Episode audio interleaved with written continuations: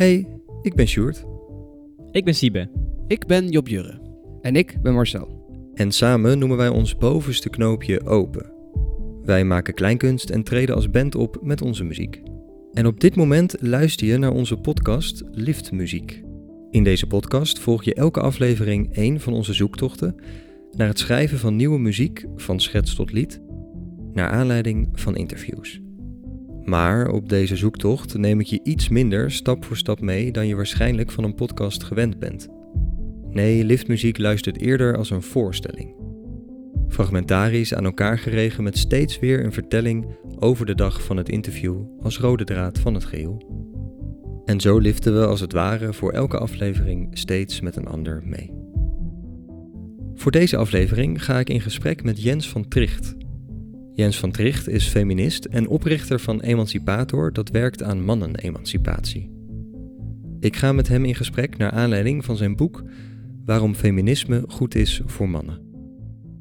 We wensen je veel luisterplezier. We zijn al die dingen al, we hebben dat potentieel in ons.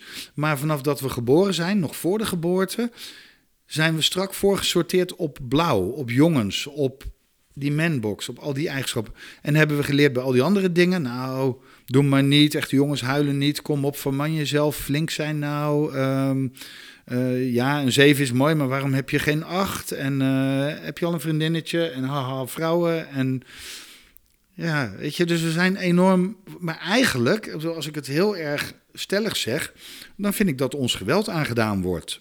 Doordat we ontmenselijkt worden. Want dat is wat er gebeurt. We hebben 100% menselijk potentieel en we mogen daarvan 50% ontwikkelen. En eigenlijk moeten we die 50% ook nog geweld aan doen. Want omdat het maar 50% is en omdat er geen twijfel mag bestaan dat je wel een echte man bent of zal worden, moeten we die 50% overdrijven. Maken we van kwaliteiten heel vaak vervormingen, omdat we. Bedoel, daadkracht is niet erg. Maar overdreven daadkracht wordt bijvoorbeeld agressie of yeah. roekeloosheid of wat dan ook. Autonomie en onafhankelijkheid is niet erg. Maar overdreven wordt het isolatie. Um, kracht is niet erg, maar misbruik van kracht is wel problematisch. Dus we staan op één been en we moeten ook nog uit het lood gaan staan.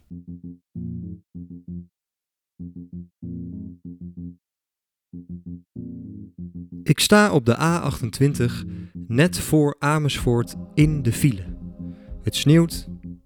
De snelweg is een dikke bruine blubber geworden.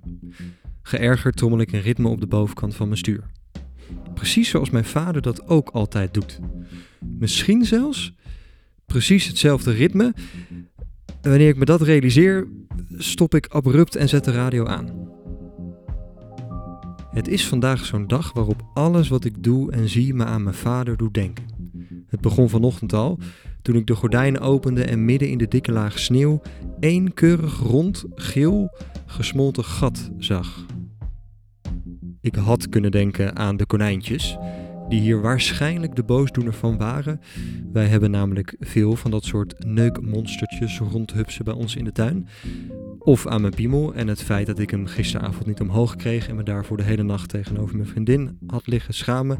Of natuurlijk hoe lastig het waarschijnlijk door die sneeuw zal gaan worden vandaag naar Amsterdam te rijden. Maar ik dacht aan niets van dat alles. Ik dacht aan mijn vader. Ik dacht aan hoe ik als driejarig mormel mijn vla in de keuken op de grond had laten flikkeren. Mijn vader die had gezucht en de bende opgeruimd. En blijkbaar heb ik op dat moment, toen mijn vader met wat servetjes zo bukte voor de gele spetters, het volgende tegen hem gezegd. Huh? Het is toch geen moederdag? Ja, ik kan het me niet meer herinneren, maar zo is het me verteld. En het verbaast me eerlijk gezegd ook niet. Zo gaat dat bij ons thuis en zo gaan mijn gedachten vandaag dus steeds naar mijn vader uit. Misschien mis ik hem een beetje. Het kan ook zijn dat het interview dat ik straks in Amsterdam met Jens van Tricht zal gaan hebben, mijn gedachten iets wat stuurt. Immers gaan we praten over mannelijkheid en de koppeling naar mijn vader is dan al vlug gemaakt. En begrijp me niet verkeerd. Mijn vader is een ontzettend lieve man, maar hij is ook de man die het volgende tegen mij zei toen ik in groep 6 thuis kwam van mijn vriendinnetje. Toen zei hij: uh, Hey, Stuart, de volgende keer als jij daar weer bent, hè jongen, dan moet jij heel erg goed naar haar moeder kijken. Want zo worden ze, Stuart. Ja. En mijn vader voegt daar tegenwoordig graag nog aan toe en sneller dan je lief is. Dat zijn vrouw daar dan naast zit, dat lijkt hem niks te kunnen schelen.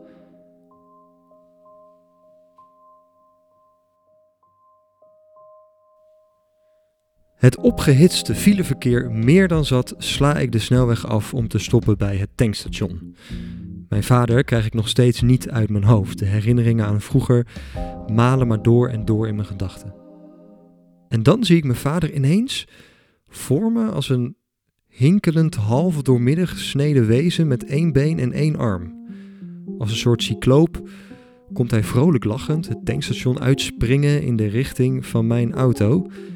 In de hand van zijn enige arm bungelen wat bifiworstjes, terwijl hij gevaarlijk de ijzeren weg oversteekt.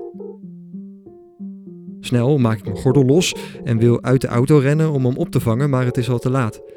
Hij kletst tegen de grond, spartelt wat heen en weer en glijdt dan onder een wegrijdende vrachtwagen.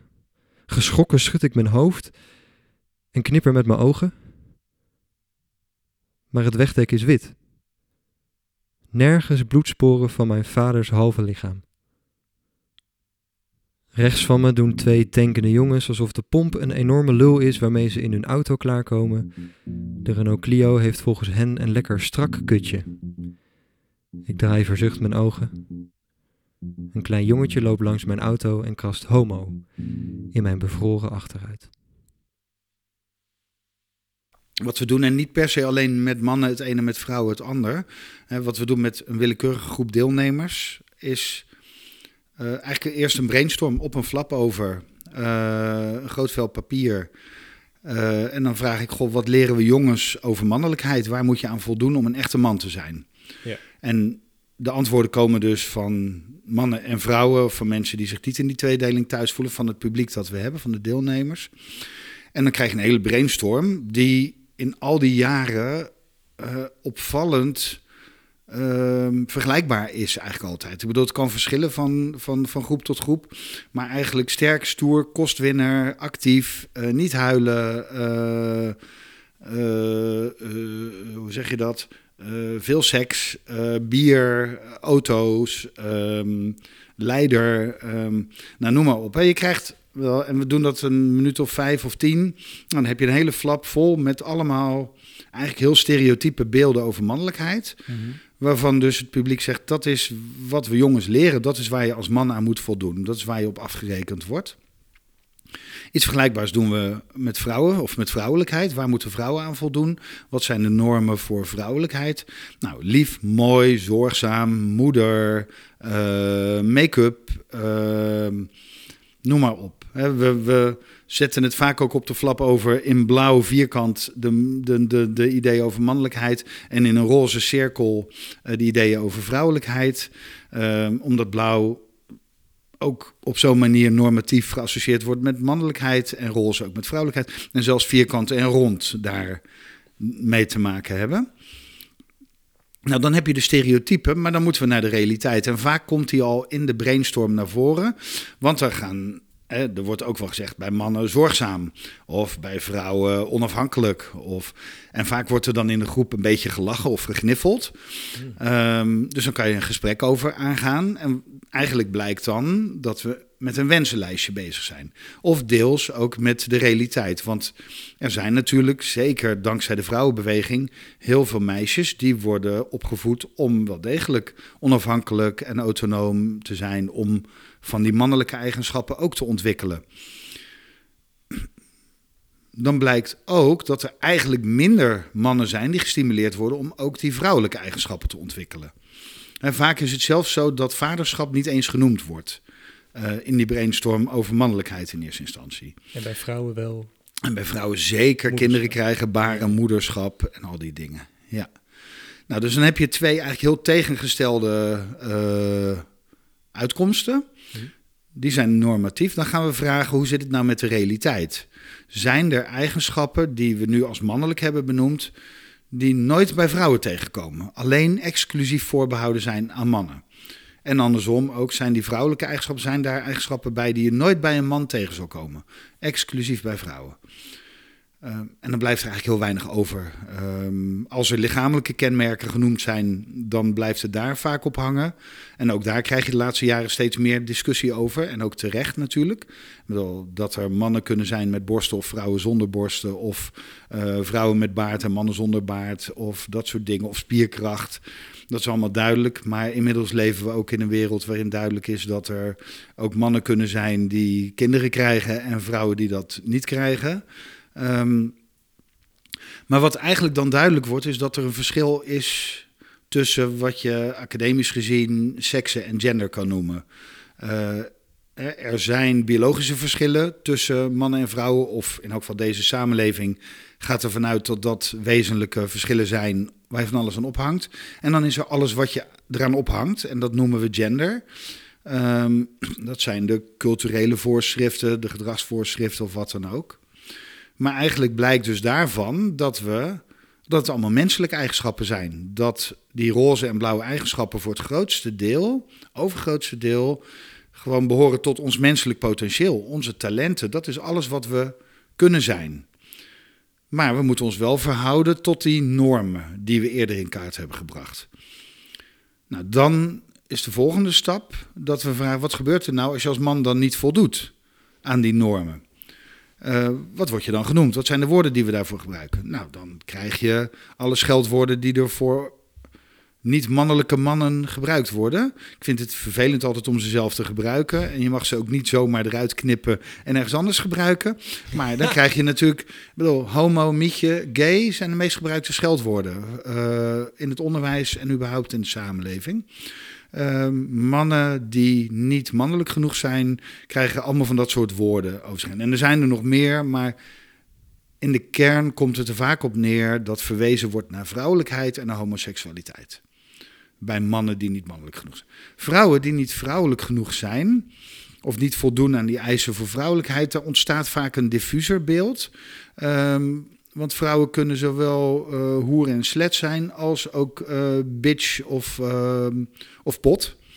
Um, en als je dan doorvraagt, dan wordt eigenlijk vaak in het gesprek al heel duidelijk dat eigenlijk die vrouwelijke eigenschappen lager gewaardeerd worden in de samenleving dan die zogenaamd mannelijke eigenschappen.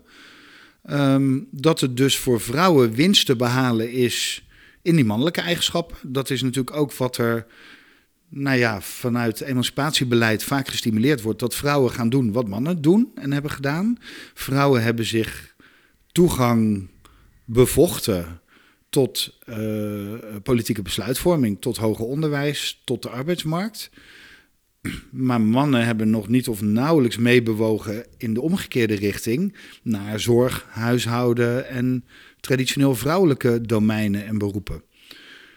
Uh, en dan zie je dus dat ze, we hebben ze tot dan naast elkaar staan, maar eigenlijk is er een hiërarchie waarbij uh, zogenaamd mannelijke dingen hoger gewaardeerd worden dan zogenaamd vrouwelijke dingen. Nou, en dan zie je daaraan de logica waarom vrouwen meer dan 100 jaar geleden in Nederland begonnen met, uh, met die emancipatiebeweging. Hè, of het was al veel, veel eerder waren er dat soort bewegingen. Maar uh, in de Volksmond hebben we het over die honderd jaar geleden dat het kiesrecht voor vrouwen in Nederland werd ingevoerd. Um, nou, er is een heleboel bereikt, maar het is nog lang niet klaar. Geweld is nog steeds een groot probleem. Vrouwen worden nog steeds ongelijk behandeld op de arbeidsmarkt. Uh, de verdeling thuis is uh, verre van eerlijk te noemen. Er zijn nog een heleboel maatschappelijke problemen die die je als emancipatieproblemen kan zien, maar die zeker geen vrouwenproblemen zijn. Het zijn problemen die voortkomen uit een ongelijke verdeling tussen mannen en vrouwen. En dat komt voort uit um, nou ja, die stereotype beelden, uh, normen voor mannelijkheid en vrouwelijkheid. En de onvrijheid eigenlijk tot nu toe voor mannen om daarin te bewegen. Ook de onwil, kan je ook zeggen. Mannen hebben allerlei voordelen. Dus waarom zouden ze? Waarom zouden ze zich tussen haakjes verlagen tot vrouwelijkheid als dat wat ze zijn en hebben best comfortabel is. Maar er zijn, het wordt ook eigenlijk steeds duidelijker dat mannen ook een prijs betalen voor die privileges. Sowieso niet alle mannen hebben allezelfde privileges. Er zijn heel veel verschillen tussen mannen. Maar mannen ehm, leven korter dan vrouwen. Mannen hebben allerlei problemen ehm, waardoor ze hun toevlucht zoeken in bijvoorbeeld allerlei verslavingsgedrag. Uh, alcohol, drugs, gamen, uh, seksverslaving. Mannen zijn zorgmeiders. Mannen komen vaak pas met hulpverlening in aanraking wanneer ze ontslagen zijn, op straat komen te staan, uh, geweld gebruiken of geweld ondergaan. Um, dus er is heel veel. Je ziet steeds meer dat er voor mannen heel veel reden is om het uit eigen belang aan te gaan. Maar je ziet ook steeds meer mannen die inzien dat die ongelijke behandeling en dat geweld echt niet passen bij de pretentie en de ambitie die we hebben als samenleving om, uh, om gelijkwaardig en rechtvaardig met elkaar om te gaan.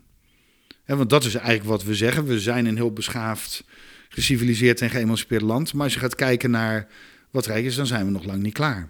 Dus ja, en in ons werk zien we dat mannen langs verschillende van dit soort thema's en lijnen aansluiting zoeken bij emancipator en bij mannenemancipatie. Sommigen vanuit eigen belang, sommigen vanuit het maatschappelijk belang.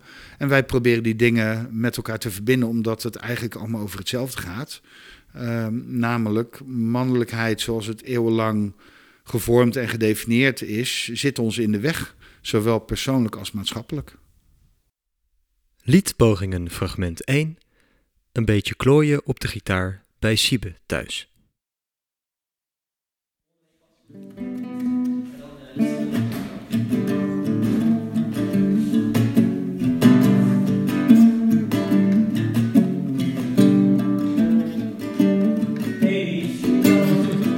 hou van airbags als ik in een auto rijd. En als je eerder zonder die te sterven, dan ben ik toch geen man, dat maakt niet uit. En ik hou van vrije dan seks. Ik ben niet altijd een blok metaal. En ach joh, noem me maar geen man meer als dat zodoende is bepaald.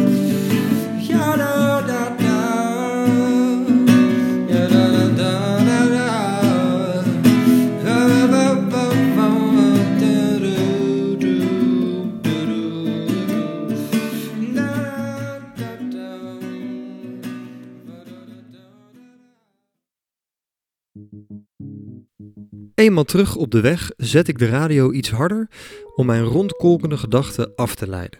Er staat nog steeds file, het sneeuwt nog steeds en mijn linkerbeen begint het constante in en uit de eerste versnelling glijden echt meer dan zat te worden.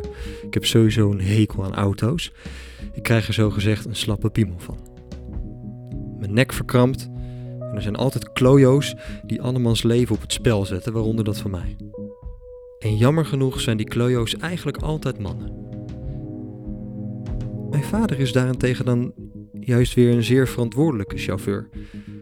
Nou, het zou goed kunnen dat dat vooral is omdat hij autorijden eng vindt, maar dat zou ik niet met zekerheid kunnen zeggen.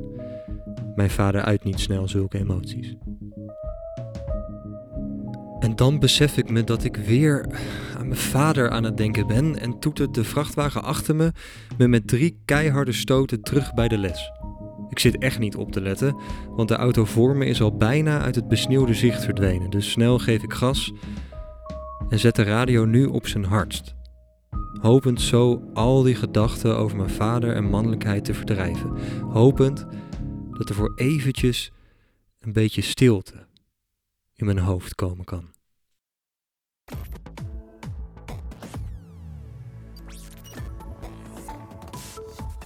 Dit is het Radio 1-journaal met Raoul Pijpme.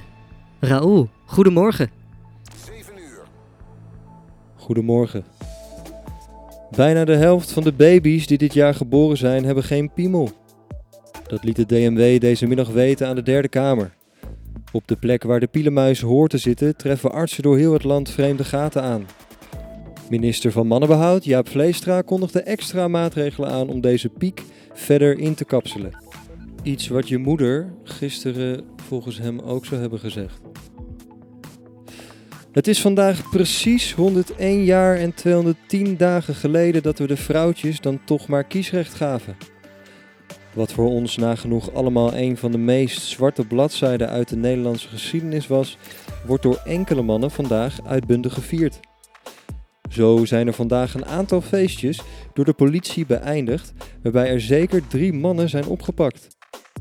De mannen hebben volgens de politiechef met permanent marker op het voorhoofd alle drie keurig het woord flikker geschreven gekregen.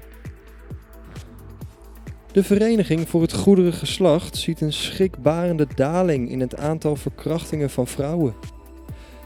Hoewel voorzitter Joop van Droogstaand naar eigen zeggen dit weekend nog wat meisjes in het park naast zijn huis heeft gepakt, lijken te weinig mannen dit jaar zijn voorbeeld te volgen. Het zijn allemaal gore mietjes geworden, zegt hij in het AP. De partij D66 wil 3 miljoen euro uittrekken om de verkrachtingen weer een boost te geven. De partij zegt daarnaast nog steeds erg tevreden te zijn met hun partijnaam met daarin het getal van hun favoriete standje. En dan het weer. Het sneeuwt nog steeds behoorlijk, de wegen zijn goed nat, dus waar je ook binnen wilt komen, je glijdt er vandaag lekker in. Erik, terug naar jou. Homo is het meest gebruikt scheldwoord. Als jij niet, ja, nee, als jij je niet, als jij niet meedoet aan de norm om je mannelijkheid te bewijzen, dan zal je wel een mietje zijn. Heel concreet, want we zijn ook die workshops zijn ook begonnen uh, vanuit het idee om jongens aan te spreken op het uh, voorkomen van geweld, of het voorkomen en het voorkomen van geweld. Als ik het heel kort samenvat, dan en dat geldt natuurlijk niet voor alle jongens, maar dan is, de, is een, een dominante sfeer onder jongens en jonge mannen kan zijn dat je eigenlijk wel grensoverschrijdend gedrag naar meisjes moet vertonen. Anders zal je wel een mietje zijn.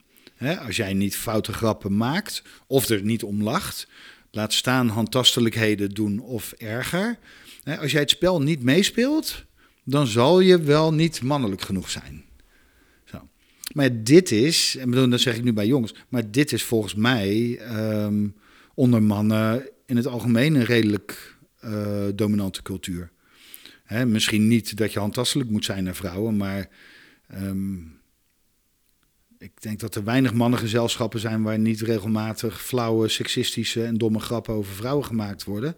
En als je daar niet om lacht of er vragen bij stelt, dan Wordt dat niet gewaardeerd? Uh, heb je kans dat het op jou uitgeleefd wordt? Of dat je leven daar gewoon iets minder prettig wordt? Zeg maar, dat, ja, dit, dit zijn ook verhalen die voor mij wekelijks ongeveer weer bevestigd worden door mannen waar ik dit soort gesprekken met. En die vertellen dan, oh ja, dit soort grapjes in mijn appgroep. Of ja, uh, eindeloos. Hè, met sociale media, de memes. Um, ja. Nee, goed, maar dus je wou weten van weerstand. Weerstand is er denk ik redelijk snel op het moment dat je, uh, dat je eigenlijk mannelijkheid benoemt. Net zoals witte mensen niet als wit aangesproken willen worden en dan heel kriegel worden. Want als jij als wit benoemd wordt, dan zou je wel een racist zijn. Als je als man benoemd wordt, dan zal je wel een seksist zijn. Nou, ik denk dat het goed is om te erkennen dat we in een racistische en seksistische wereld leven. En dat het raadzaam is om onze verantwoordelijkheid daarin te nemen om te proberen dat te verminderen.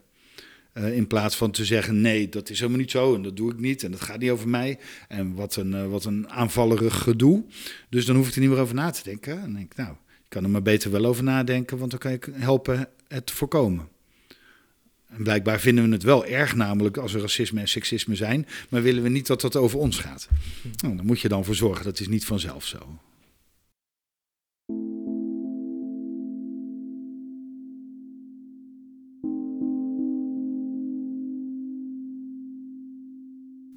Dan mag je even helemaal voor in het boek kijken. Ik begin namelijk het boek met een citaat van Bell Hooks. Uh, Een radicaal, een zwarte radicaal feministe. Wil jij het voorlezen of zal ik het voorlezen? Jij, heel graag. ja, Bell Hooks zegt... The first act of violence that patriarchy demands of males is not violence toward women... Instead, patriarchy demands, demands of all males that they engage in acts of psychic self mutilation, that they kill off the, the emotional parts of themselves. If an individual is not successful in emotionally crippling himself, he can count on patriarchal men to enact rituals of power that will assault his self-esteem. Dus het eerste geweld dat mannen plegen is tegen zichzelf. En dat gaat eigenlijk over die grenzen, dat gaat over die emoties, dat gaat over die manbox, over het niet jezelf toestaan om, om te zijn wie je bent, om niet je kwetsbaarheid uh, te mogen uiten, te mogen laten zien, om jezelf te vermannen. Um, ja, weet je, dus, dus daar begint het mee. En natuurlijk heel veel van die geweldsvormen die je net in het citaat voorlas, mm -hmm. die zijn ook gericht tegen mannen. In oorlog, in uh, criminaliteit, met voetbalgeweld, in radicalisering, uh, straatgeweld. Um, mannen zijn net zo goed als vrouwen slachtoffer van mannelijk geweld. Ik heb ooit wel eens ergens gelezen dat het schandalig is dat de helft van de wereldbevolking bang is voor de andere helft. Maar het is nog erger, de hele wereldbevolking is bang voor de ene helft. Eigenlijk, want we, we en, en ook daar geldt weer heel veel mannen zeggen bang, bang, ik ben niet bang. Hmm. Nee, je bent allemaal bewust van het risico. In sommige situaties, als jij ergens een groep ziet staan, verderop op straat, in een donker steegje, klassiek beeld, dan denk je, goh, ga ik hier wel door of niet? Loop ik aan de overkant of niet? Als je mannen tegenkomt, kijk je ze aan of niet? Wie kijkt het eerste weg? We kennen allemaal verkeersgedrag. Hè? Uh, wie drukt de ander weg? Laat je je wegdrukken? Nee, heus niet. Ik zal mijn mannetje wel staan. Wel, we doen er allemaal mee, we zitten er allemaal middenin en we hebben er allemaal ons toe te verhouden. En we hebben er dus allemaal last van. Het zou zo fijn zijn als we dat op een andere manier mochten doen. Als we dat konden laten, als we ja, die liefde, zorgzaamheid, empathie, verbinding en al die eigenschappen meer centraal konden stellen in, in onszelf en in de wereld en in de omgang met elkaar. Liedpogingen fragment 2. Het moment wanneer je in de trein opeens de refreintekst weet. Laat me, laat me zijn en laat me gaan. Ik heb het liefst twee armen en twee benen om op te staan. Laat me zijn, want een hele man is nog slechts de helft van wat een mens wezen kan. No. Nog steeds in die verrekte file stuur ik Jens onder het constante rijden en remmen vlug een voice memo dat ik waarschijnlijk ietsje later kom. In de grijze auto voor me, waarmee ik nu al zo'n half uur een kat-en-muis spelletje aan het spelen ben, wordt door drie mannen flink gerookt. Af en aan gooien ze hun leeggezogen peuken uit hun raampje op het wegdek. Maar die ergeren me nog niet eens het meeste. Het is hun bumpersticker. Steeds weer verschijnt hij uit en in mijn blikveld. No airbags, we die like real men. Dat staat erop. Met stoere, hoekige letters. Elke keer dat ik hem lees, word ik er chagrijniger van. Maar wanneer een van de mannen in de auto achterom mijn kant op kijkt, lach ik vlug mijn tanden bloot. Maybe they schop en slaan like real men too, denk ik bij mezelf. Ik maak mijn gordel los, trek mijn jas uit en probeer me te focussen op het interview van straks. Hardop pratend neem ik de iets wat lastige woorden die strakjes hoogwaarschijnlijk in het interview gezegd zullen worden, nog eens door. Eén daarvan is, komt-ie, het patriarchaat. En ik ben een beetje een hakkelaar en zeker tijdens zo'n interview, dus dit woord is voor mij extra kut. Het patriarchaat is de vanzelfsprekendheid waarmee we alles dat we met vrouwen en vrouwelijkheid associëren lager waarderen dan alles wat we met mannen en mannelijkheid associëren. Dat zeg ik tegen mezelf in de achteruitkijkspiegel terwijl ik nogmaals lees wat dat jongetje op mijn raampje heeft gekrast. Dat hakkelen dat heb ik trouwens van mijn vader. Mijn vader was als kind namelijk een ontzettende stotteraar. Geen enkel woord kon ook maar een beetje normaal zijn mond verlaten. En nu merk je dat nog nauwelijks aan hem, alleen als hij boos is of voor een grote groep moet spreken.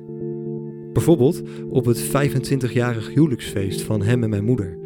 Dat vierden ze in de kelder van hun favoriete Italiaanse restaurant Vaticano's. De perfecte plek, want mijn vader is namelijk een enorme Italofiel. Hij maakt zijn eigen limoncello, is dolblij dat zijn schoondochter half Italiaans is en heeft toen zelfs op dat feest in het Italiaans een speech gegeven voor al zijn vrienden en familie. En ik heb hem nog nooit zo heftig zien stotteren. Met rode kop stond hij daar op een stoel de elegant zingende O's en A's uit te proesten. En ik was apetrots op mijn papa. Zag hem daar nou staan. Met blinkende oogjes en zijn guitige lach. Het kon hem niks schelen. Hij stond daar maar mooi. En hij deed het.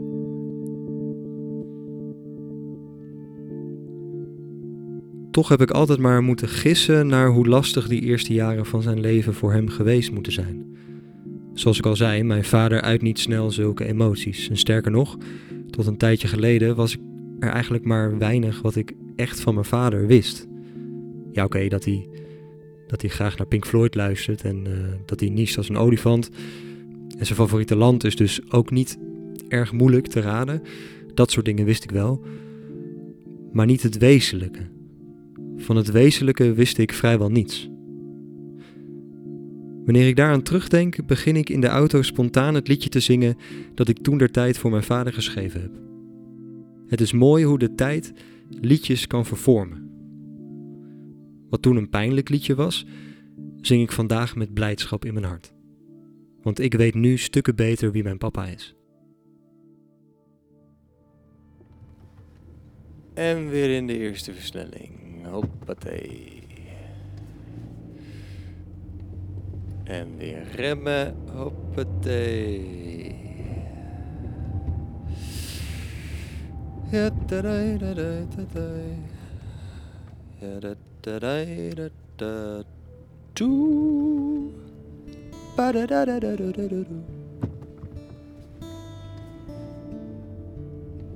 Papa, ik weet niks van jou, niet wat je dacht toen jij je eerste zoen en hoe vannacht het werk van morgen op je wacht.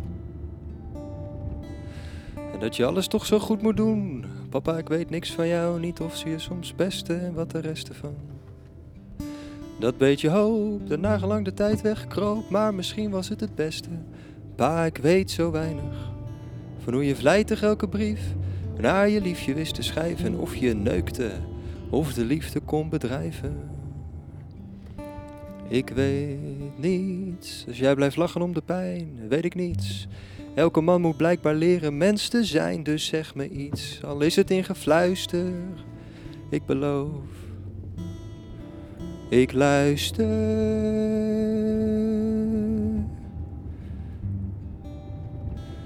Ja, da, da, da, da. Oh, uitkijken. It's a man's world. Het is gewoon nog steeds zo wereldwijd. Kijk wie de dienst uitmaken. En dan wordt er altijd gewezen naar die paar vrouwen die ook een plek hebben ingevochten of gekregen in die mannenwereld. Maar het is gewoon 90, 99 procent mannen dat de dienst uitmaakt. Zowel in politiek als in economie. Kijk, toen ik vrouwenstudies ging studeren en me specialiseren in mannelijkheid... Uh, toen vond ik het zo leuk dat je bij elke vakgroep op elke universiteit ook een vak vrouwenstudies had over dat specifieke onderwerp. Werkelijk, het is overal. Um, gender, hè, de ideeën over mannelijkheid en vrouwelijkheid en hoe die bepalend zijn, zelfs voor welke wetenschappelijke onderwerpen wel of niet gekozen worden, hoe ze uitgewerkt worden, wie daar in teams zitten, wie het voor het zeggen hebben. Zelfs tot, ja, tot allerlei nou ja, het maakt werkelijk niet uit welk onderwerp dan ook heeft hij. En dat vind ik leuk aan mijn werk, want inderdaad, er is geen maatschappelijk onderwerp of het heeft ook dus met mannen en mannelijkheid te maken. Um, wat ik in het boek beschrijf is dat een van de redenen waarom ik met eh, deze thema's aan de gang ben gegaan, is doordat ik van het feminisme leerde, van feministische vrouwen, dat eigenlijk alle problemen waar wij ons als radicale activisten druk over maakten, veroorzaakt werden door mannen. Um, en dat het meestal ook mannen waren die uh, profiteerden van onrecht.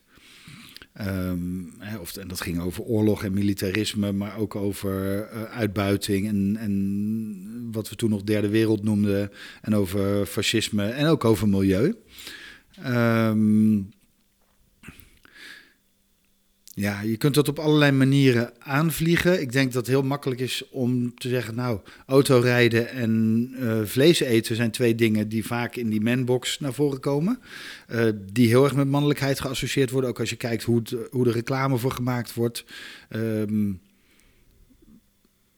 en dat zijn zwaar milieubelastende activiteiten.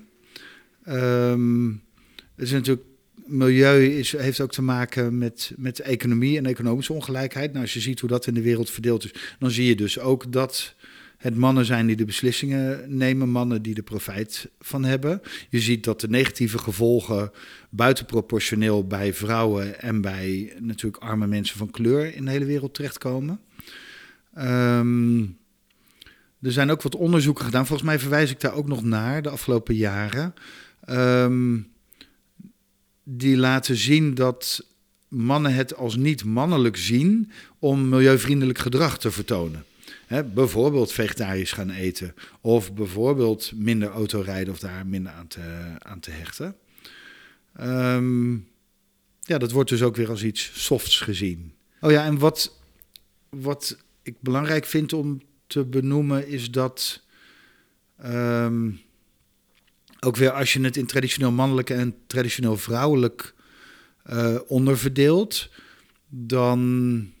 En daar heeft de vrouwenbeweging ook heel duidelijk uh, altijd aandacht voor gevraagd.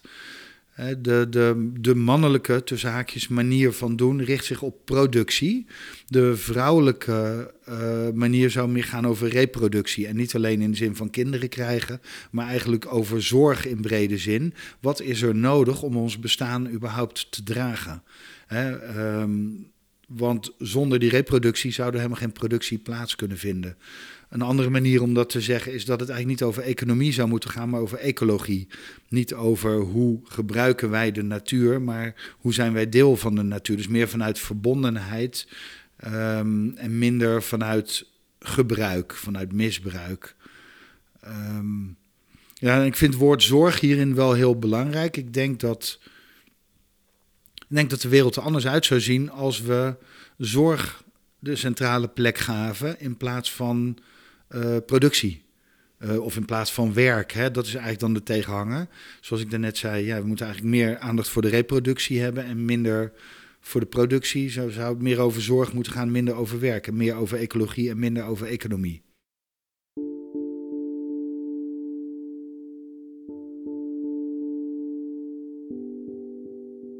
Ja, je kunt er toch, ik denk dat je beter ervan uit kan gaan dat je niet perfect bent. Ja, ja. En dat je dus, ik bedoel, ik leef met allerlei voorrechten, privileges als man, als witte man in deze samenleving, waar ik me vaak nog niet eens bewust van ben. Zelfs na al die jaren dat ik hiermee bezig ben, weet ik dat ik enorme blinde vlekken heb over dingen die ik gewoon niet meemaak, maar waarvan ik van vrouwen weet dat ze ze meemaken, waarvan ik van gekleurde mensen weet dat ze ze meemaken.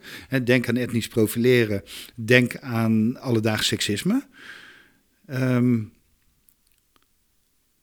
dus het, er kan wel een streven zijn naar verbetering. Uh, en ik denk dat dat moet. Um, maar op het moment dat ik mezelf tot perfect wil verklaren, heb ik dus geen werk meer te doen. En anderen wel. Uh, ik zou wel willen dat ik dat kon bereiken, maar ik denk niet dat dat haalbaar is in mijn leven. Ik weet ook niet of dat haalbaar is in het leven van anderen. Um, maar je kunt je wel rekenschap geven van je imperfectie en proberen ervoor open te staan om te leren hoe je um, blinde vlekken kunt weghalen. Uh, misschien gedragingen waar je zelf het kwaad niet van inziet, maar die anderen wel tot last zijn om die te veranderen. Heel veel veranderingen zijn best makkelijk wanneer je er niet zo uh, zo'n enorme gevoeligheid op legt. Een voorbeeld vind ik dan interessant. We kunnen het over Zwarte Piet hebben, maar laten we dat nou niet doen. Mhm. Maar waar vaders soms last van hebben, is dat er op school allemaal luizenmoeders gevraagd worden en overblijfmoeders. En dan voelen ze zich niet aangesproken. Dan denk ik, ja, dat snap ik wel. Maar ben je er bewust van dat we in een wereld leven waarin alle formele documenten en zo altijd in de mannelijke vorm geschreven zijn en dat vrouwen maar moeten denken dat het ook over hun gaat? dat, dus ja, er zit ergens iets rond rond mannelijkheid dat het heel kwetsbaar, heel fragiel maakt. Dat als je daar aankomt, dat er heel geprikkeld gereageerd kan worden. De, de, ja, de mannelijke fragiliteit kan dan ineens ook heel tot heel venijnige reacties leiden. Ehm, terwijl ik denk, ja, ik weet niet. eh, Eigenlijk, uiteindelijk had het er net al over persoonlijke groei en ontwikkeling en leiderschap. Maar eigenlijk is dit een heel erg. Is, is het een heel spirituele of, of, of een helende of, of weet ik wat voor praktijk? Want het gaat over hoe. Ken u zelf. Hè? Hoe leer ik mezelf kennen? Wie ben ik eigenlijk? En niet aan de oppervlakte in alle vanzelfsprekendheden die ik ken. Ik kan anderen dankbaar zijn voor wat ze mij leren over hun wereld en mijn positie in hun wereld en hoe die zich tot elkaar verhouden. Want dan leer ik iets over mijn betekenis in hun leven en in de wereld en dus ook over wie ik ben en wat voor invloed ik heb zonder dat ik het misschien doorheb. Dus ja, ik weet niet, ik, ik heb dat omarmd op een gegeven moment hè, om, om te zeggen, mijn relatie met mezelf verbetert enorm door hiermee bezig te gaan. Mijn relatie met andere mannen, wat ik net al zei. Mijn relatie met vrouwen in het algemeen, met kinderen, met mijn partner en met de wereld. Ehm, ik vind het heel verrijkend. En ga, ga ik niet zeggen dat het makkelijk is. Ehm, maar ik geloof ook niet dat het makkelijk is om maar met oogkleppen en blinde vlekken door te gaan op een pad waarvan je eigenlijk heel makkelijk kan zien dat het, dat niet zaligmakend is, dat het, nou ja, dat, dat het eigenlijk nergens toe leidt. Liedpogingen, fragment 3. Een tweede weg inslaan. Ik hou van vrijen, veel liever dan ik denk. Hij is niet altijd hard als staal ach joh, noem me maar geen man meer als dat zo is bepaald. Laat me zijn,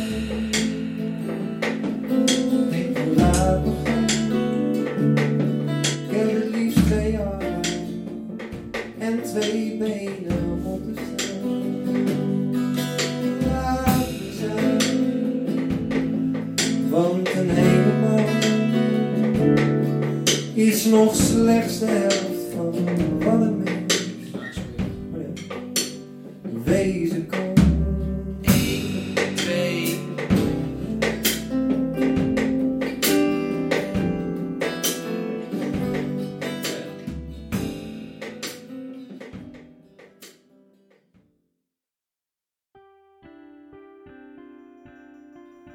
Het is inmiddels donker geworden. Het verkeer staat nu al zo'n 20 minuten compleet vast. Ik ben letterlijk geen haar vooruitgekomen. Daarnaast is het ook nog harder gaan sneeuwen.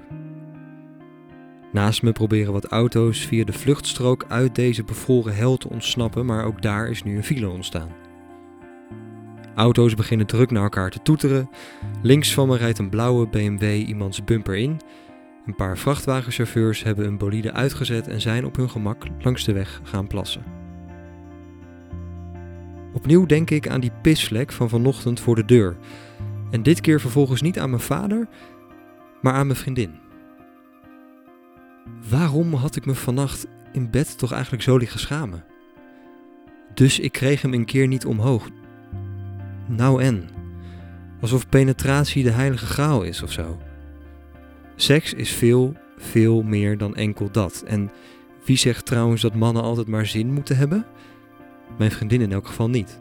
Dus waar schaam ik me dan in godsnaam voor? Opeens voel ik daar in die auto dat ik het ook zo ontzettend zat ben. Alle in dit koekblik opgebouwde frustratie van afgelopen uren grijpen me in één keer naar de keel. Flikker op met je mannelijkheid. Flikker op met die klotenvielen en dat stomme interview. Ik draai mijn raampje open en een ijskoude wind vult direct de auto. En dan roep ik: Ik heb een auto met airbags. Niemand reageert, dus ik blijf roepen. Ik heb een auto met airbags en vannacht had ik geen zin in seks. Een van de mannen in de auto voor me, die met die bumpersticker, lijkt me te horen en keert zijn hoofd, maar Het kan me niet schelen, ik heb de smaak nu flink te pakken en stap kordaat uit de auto. Klim op het dak en vervolg half bibberend mijn betoog. Mijn auto heeft airbags en ik schaam me niet langer. Ik hou van airbags. Kom op mannen, laat je horen. Als ik zeg air, dan zeggen jullie bags.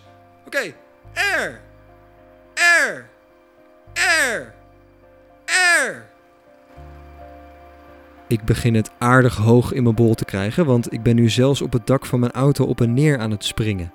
Wat geen goed idee is, want binnen de kortste keren glij ik uit en smak keihard met mijn rug op de radioantenne. Rol vervolgens van de auto af en val met een doffe klap op het besneeuwde wegdek. Van alle kanten komen halve mannenlichamen naar me toe hinkelen. De eenarmige cyclopen vormen een cirkel rond mijn lichaam. Bezorgd roepen ze me wat. Ik versta het niet. Een hoge piep zuist in mijn oren. Ik wil met mijn rechterhand naar mijn pijnlijke kloppende hoofd grijpen, maar dan blijkt dat ik helemaal geen rechterhand meer heb. Sterker nog, mijn gehele rechterarm is weg. Ik wil naar beneden kijken, naar mijn benen, maar zie dan dat ook van mijn benen er slechts nog één over is. Mijn hele lichaam is exact dwars doormidden gesneden. En het begint te duizelen. En dan wordt het zwart voor mijn ogen. En in één klap is het stil.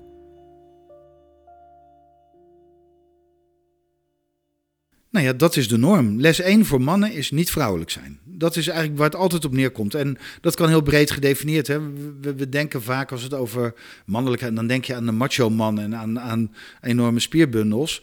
Maar de ultieme man in deze wereld is misschien wel veel meer een zakenman die uh, totaal disembodied in zijn pak zit en, en over miljoenen mensen hun levens beslist.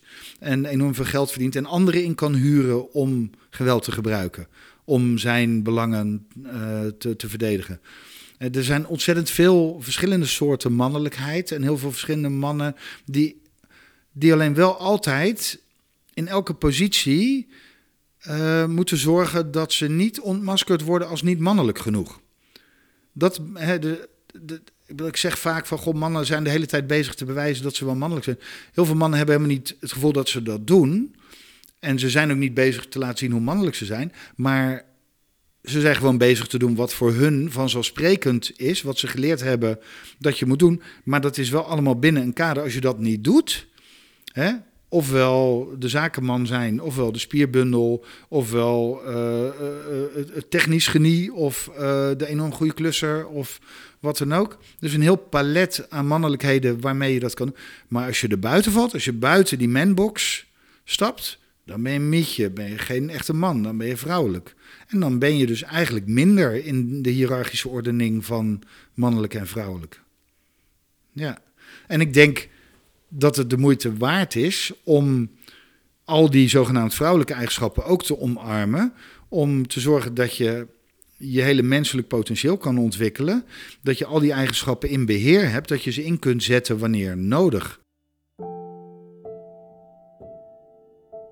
Ik geloof dat er een Duitse uitspraak was: Een ganzer man is ook nur nog een halber mens. Zo, dus een hele man is ook nog maar een half mens. En ja, ik weet niet, voor mij komt dat heel erg in de buurt van, denk ik, jouw ontlading net. Ik denk, wauw, ja, er is nog zo. Maar het is ook, weet je, het is niet zo dat ik opeens allemaal dingen moet gaan ontwikkelen die mij wezensvreemd zijn. Dat is ook niet zo. We hoeven niet opeens allemaal gekke dingen. We hoeven alleen op te houden met de rem erop te zetten. Want ze zijn allemaal in ons. Liedpogingen fragment 4. Thuis, achter de piano. Ik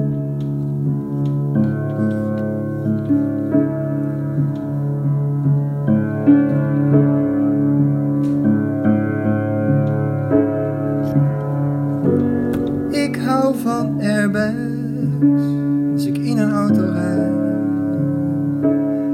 En als je eerder zonder dient te sterven, ach, dan ben ik toch geen man, maakt mij niet uit.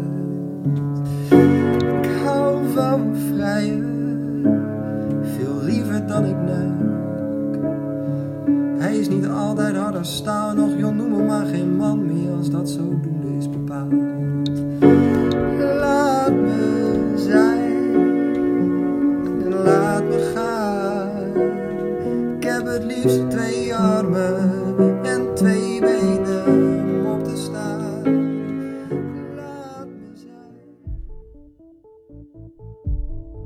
Na mijn interview met Jens lag ik die avond met een brede glimlach naast mijn vriendin in bed. Ik kon haar met beide armen vastgrijpen en beide benen in de haren verstrengelen. Nog druk reflecterend op de dag werd één gedachte glashelder. Ik weiger nog langer te leven in een mannenwereld. En ik weiger al helemaal dat vrouwen daar de dupe van zijn. Ik wil deel zijn van de oplossing.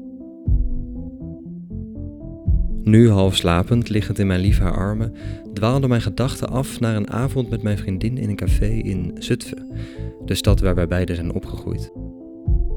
Ik kwam een vriend van vroeger tegen met wie ik in de pauzes van de middelbare school vaak achter de piano was geklommen om heerlijk dromerige liedjes te zingen. We staan aan de bar een biertje te drinken wanneer mijn vriendin langsloopt. Hij kijkt haar opzichtig na, het hoofd gekanteld voor een goede blik op haar billen, richt zich weer naar mij en zegt dan: Die ga ik nog een keer neuken. Ik wist niet wat me overkwam, maar ik bleef rustig en zei: Dat is mijn vriendin. Waarop hij zich begon te excuseren door te zeggen dat hij niet wist dat het mijn vrouwtje was. En ik een hekel aan het woord vrouwtje hebbende en al helemaal dat ze dan mijn vrouwtje zou zijn, nam natuurlijk geen genoegen met dit excuus. Alsof het uitmaakt dat ze toevallig mijn vriendin is. Zoiets zeg je natuurlijk over geen enkele vrouw. Maar we waren beide door het bier te aangeschoten en het gesprek kwam eigenlijk vrij oppervlakkig tot een einde. Dus ik zocht mijn vriendin op, vertelde haar het voorval en niet lang daarna vertrokken we. Maar door de regen naar huis bekroop me het sterke gevoel terug te willen. Ik wilde door die oppervlakkigheid heen prikken en hem laten voelen hoe totaal kloten en praktisch aangerand mijn vriendin zich nu voelde. Ik wilde een echt gesprek aangaan met die jongen die ik niet meer leek te herkennen. Half doorweek liepen we terug, ik sleurde hem van de dansvloer en zette hem tegenover me aan een bartafeltje. En zo oprecht mogelijk stelde ik de volgende vraag aan hem: Waarom? Hij keek me twijfelend aan, maar voelde al snel dat ik met mijn vraag geen kwade bedoelingen had. En toen bleek, achter die geforceerd mannelijke façade, een man te zitten met liefdesverdriet. Een man die het idee had zich daarover niet te mogen uiten tegenover zijn vrienden. Daar zaten die echt niet op te wachten, volgens hem. Een man die bang was een aansteller te zijn. Een mietje. En dus zei en deed hij maar waarvan hij dacht dat het van hem verwacht werd. Met alle gevolgen van dien.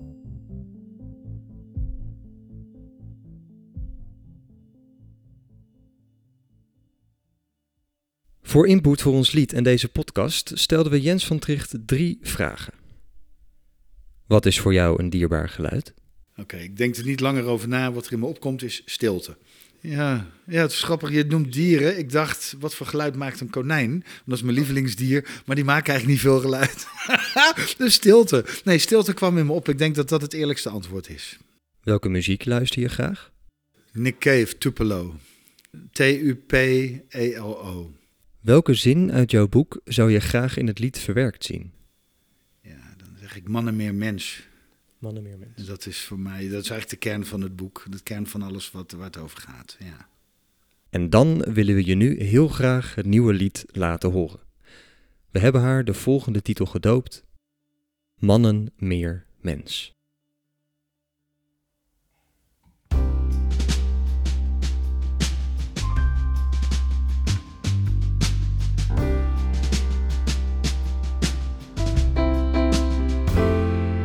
Ik hou van airbags als ik in een auto rijd.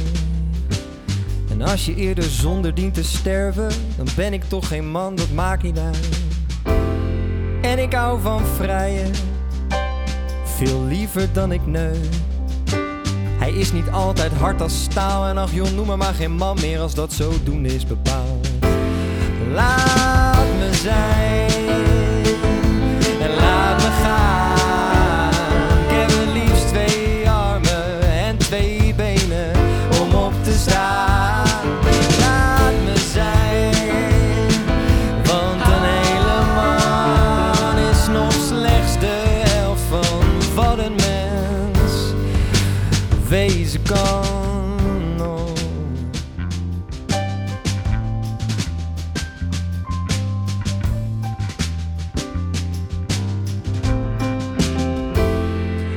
zorg voor plantjes. Ik zorg ook voor mezelf. Ik hoef geen dingen stuk te maken om te bewijzen aan een ander dat ik tel. En ik hou van huilen om blijdschap en nog liever om verdriet. Als je alles weg moet drinken om te klinken als een man, nou zo ben ik niet. Dus laat me zijn